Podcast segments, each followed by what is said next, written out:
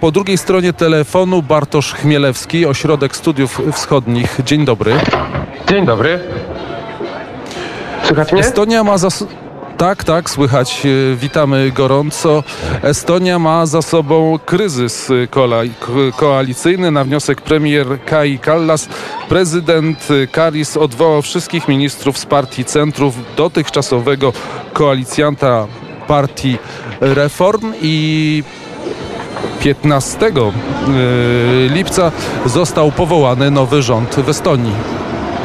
Tak, e, ten kryzys koalicyjny trwał e, prawie miesiąc, właściwie miesiąc bez kilku dni, jeżeli mówimy o samych negocjacjach.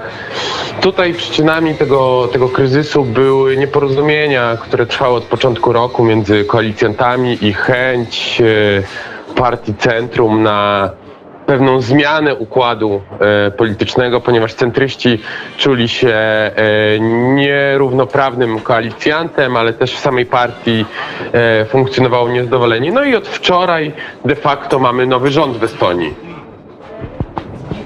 Nowy rząd w Estonii, ale chyba zasadniczych y, zmian y, to w polityce Estonii nie przyniesie. Estonia, gdy teraz przyglądają się, boryka się z tymi problemami takimi samymi albo podobnymi co państwa bałtyckie, również co Polska, to znaczy inflacja. Na Litwie ona jest w tej chwili mm, chyba 21%, na Łotwie nie wiem, a w Estonii też 20%. No i oczywiście kwestia surowców y, energetycznych, źródła energii też to, co stanowi problem y, i w Polsce, i, i w państwach bałtyckich.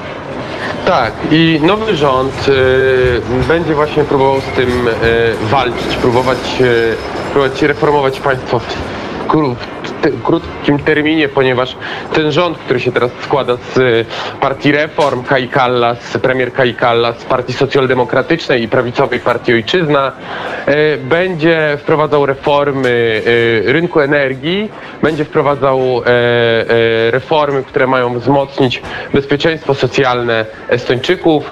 To, to będą dodatki dla dzieci, to też będą dodatki dla, dla ludzi, którzy będą cierpieli na tak zwane ubóstwo energetyczne.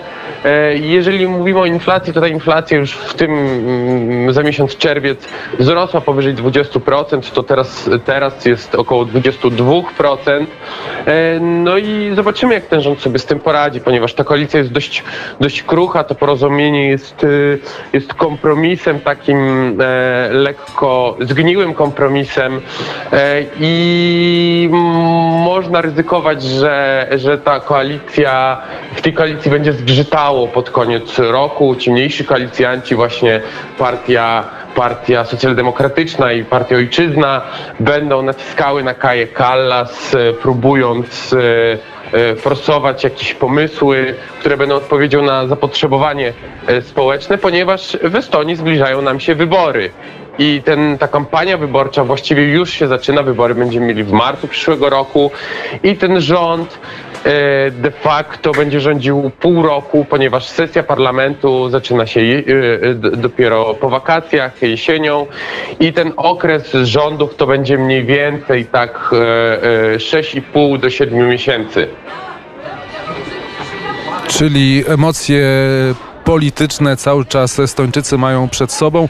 A powiedz, czy podobnie jak w Polsce, czy, czy na Litwie, bo niedawno też to widziałem, temat agresji rosyjskiej na Ukrainę jest ważnym tematem. E, Jak wygląda estońskie zaangażowanie, e, sympatie Estończyków, po której są stronie, to chyba nie muszę pytać, bo domyślam się, po której stronie są. Tak, y, tutaj to zaangażowanie symbolizują słowa premier Kai Kallas wypowiedziane w czasie e, wczorajszej sesji parlamentu, na której została, ona uzyskała mandat do stworzenia kolejnego rządu. Powiedziała jednoznacznie, że Estonia ma wielu przyjaciół, ale ma jednego wroga i tym wrogiem jest Rosja. I to właściwie definiuje politykę Estonii i podejścia większości Estończyków do, do e, sprawy wojny na Ukrainie. Tutaj Estonia była jednym z pierwszych państw, które przekazało jeszcze na początku roku lub chciało przekazać e, broń, tak zwaną tą broń defensywną, czyli to były e, systemy e, przeciwpowietrzne, granatniki przeciwpancerne. E, Estonia też przyjmuje uchodźców. To nie jest tak duża e, kwota jak w Polsce. Ostatnio media mówiły około 45 tysiącach, natomiast tu jest też ważny szlak e, migracyjny do Estonii, ponieważ e, do Estonii przyjeżdża bardzo wiele osób z, z Ukrainy, które trafiły do obozów e, tych e, na terenie Rosji, tych obozów takich filtracyjnych i ci, którzy, którym się udaje z nich wyjść, podróżują na, na północ Rosji i trafiają przez granicę e, w Narwie, e, przez e, granicę estońsko-rosyjską do Estonii. To jest dość ważny szlak, bo to jest taka druga trasa przybywania do Europy z, z tego obszaru zajętego przez Rosjan z drugiego, druga trasa z Ukrainy. Pierwsza właśnie biegnie przez Polskę, a druga biegnie przez, przez Rosję i przez Estonię. Jeżeli mówimy o, o takich o takim podejściu społeczeństwa, no to większość e, mieszkańców Estonii oczywiście wspiera Ukraińców, wspiera Ukrainę.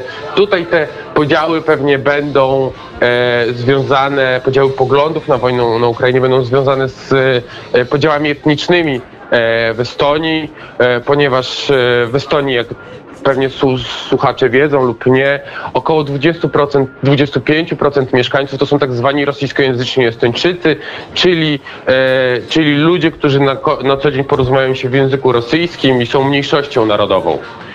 I tutaj, e, jak większość Estończyków będzie wspierała e, U- Ukrainę, m, nie mamy teraz aktualnych badań socjologicznych, które by to mierzyły, natomiast na pewno większość Estończyków popiera e, e, e, Ukraińców, pewnie jakaś niewielki, niewielka kwota, około procenta, dwóch, e, ma inny pogląd na ten spraw. Natomiast wśród rosyjskojęzycznych Estończyków te podziały będą bardziej radykalne. Tutaj młodsze pokolenie będzie wspierało Ukrainę, starsze, te pamiętające Związek Sowiecki, te, które się wychowywało w Związku Sowieckim, będzie albo prorosyjskie, albo nie będzie e, miało zdania w tej, w, w, tej wojnie. Natomiast y, tutaj często niektórzy komentatorzy w prasie się pojawiają takie historie, często w zachodniej prasie, że Narwa, czyli ta, ta, to największe miasto, które jest na granicy rosyjsko-estońskiej, które jest zamieszkiwane właśnie przez rosyjskojęzycznych, będzie kolejnym Krymem albo kolejnym Donbasem. I to nie jest prawdą, ponieważ wśród tych rosyjskojęzycznych Estończyków, mieszkańców Narwy nie ma separatyzmu. E, oni bardzo często widzą, co się dzieje po drugiej stronie rzeki, e, ponieważ Narwa de facto jest e, jednym miastem z Iwangorodem, znajdującym się po drugiej stronie granicy. E, I ci mieszkańcy Narwy widzą, że po drugiej stronie to, to życie jest e, gorszej jakości. E, często to właśnie ludzie z drugiej strony granicy przyjeżdżają do Estonii po zakupy e, lub, lub na wypoczynek. E, I ci mieszkańcy Narwy mają też rodziny po drugiej stronie, komunikują się z, z mieszkańcami Rosji i wiedzą, jak to życie po drugiej stronie wygląda, więc oni, nawet jeżeli im się władza w Estonii nie podoba, nawet jeżeli może mają krytyczne zdanie na temat Ukrainy, to e, w Rosji mieszkać nie chcą. Chcą mieszkać w Unii Europejskiej. Cieszę się, że wymieniłeś Narwę, bo chciałem zapytać o to miejsce, bo rzeczywiście pojawiły się też publikacje na ten temat, że to może być kolejne miejsce, gdzie pojawiłyby się zielone ludziki. Myślę, że do tematu warto byłoby jeszcze kiedyś wrócić, bo ja też mam wątpliwości, bo to może nie mieć kiedyś w przyszłości znaczenia, czy jest potencjał wśród y, miejscowej ludności rosyjskiej, tylko czy po prostu ktoś zdecyduje, żeby przeprowadzić tam y, spec y, operację, ale Tak. zakładam, że tak jest. Pamiętam, że gdy byłem kiedyś w Narwie i później pojechałem do Talina, poszedłem na mszę po polsku, bo w Talinie jest. I tam z, zbierają się Polacy później w, w takiej piwniczce pod y, kościołem i, i rozmawiają, miejscowi Polacy. I nawet jedna Litwinka, która jako katoliczka też y, należy do klubu polskiego. Gdy pytałem ich, oni mi mówili, nie, nasi Rosjanie estońscy to jest inna kategoria, tutaj nie ma czego się spodziewać nie ma się e, czego niepokoić, więc ty potwierdzasz też tę e, opinię, o którą ja e, 6 czy 7 lat temu pytałem, bo byłem zdumiony, w jakim stopniu Narwa jest miastem rosyjskim. Ja tam nie usłyszałem, poza wypowiedzią e, burmistrza czy mera, nie publiczną, bo to było akurat święto, na które trafiłem, nie, nie usłyszałem ani jednego zdania po estońsku. Tak, no w Narwie mieszka około 90-90% y, rosyjskojęzycznych. To jest miasto, gdzie Estończycy są y, mniejszością, e, więc, y, więc y, tak, to prawda, tam estońskiego raczej nie usłyszymy.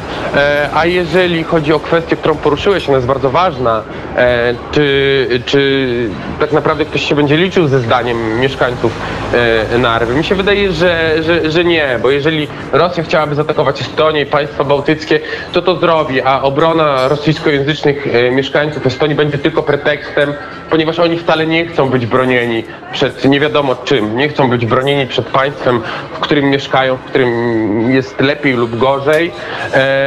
I tylko, że ten, ten, ta, ta obrona, ta specoperacja w cudzysłowie w państwach bałtyckich, ta obrona rosyjskojęzycznych mieszkańców państw bałtyckich będzie atakiem na, e, na państwo NATO. I jak I Ba- widzimy po Bartku, w tym, Solidarności... w tym miejscu, w tym miejscu zakończmy. Ja z chęcią Okej. jeszcze powrócę do tego tematu, bo to jest bardzo ciekawe miejsce na mapie Europy. Bartosz Chmielewski, ekspert Ośrodka Studiów Wschodnich.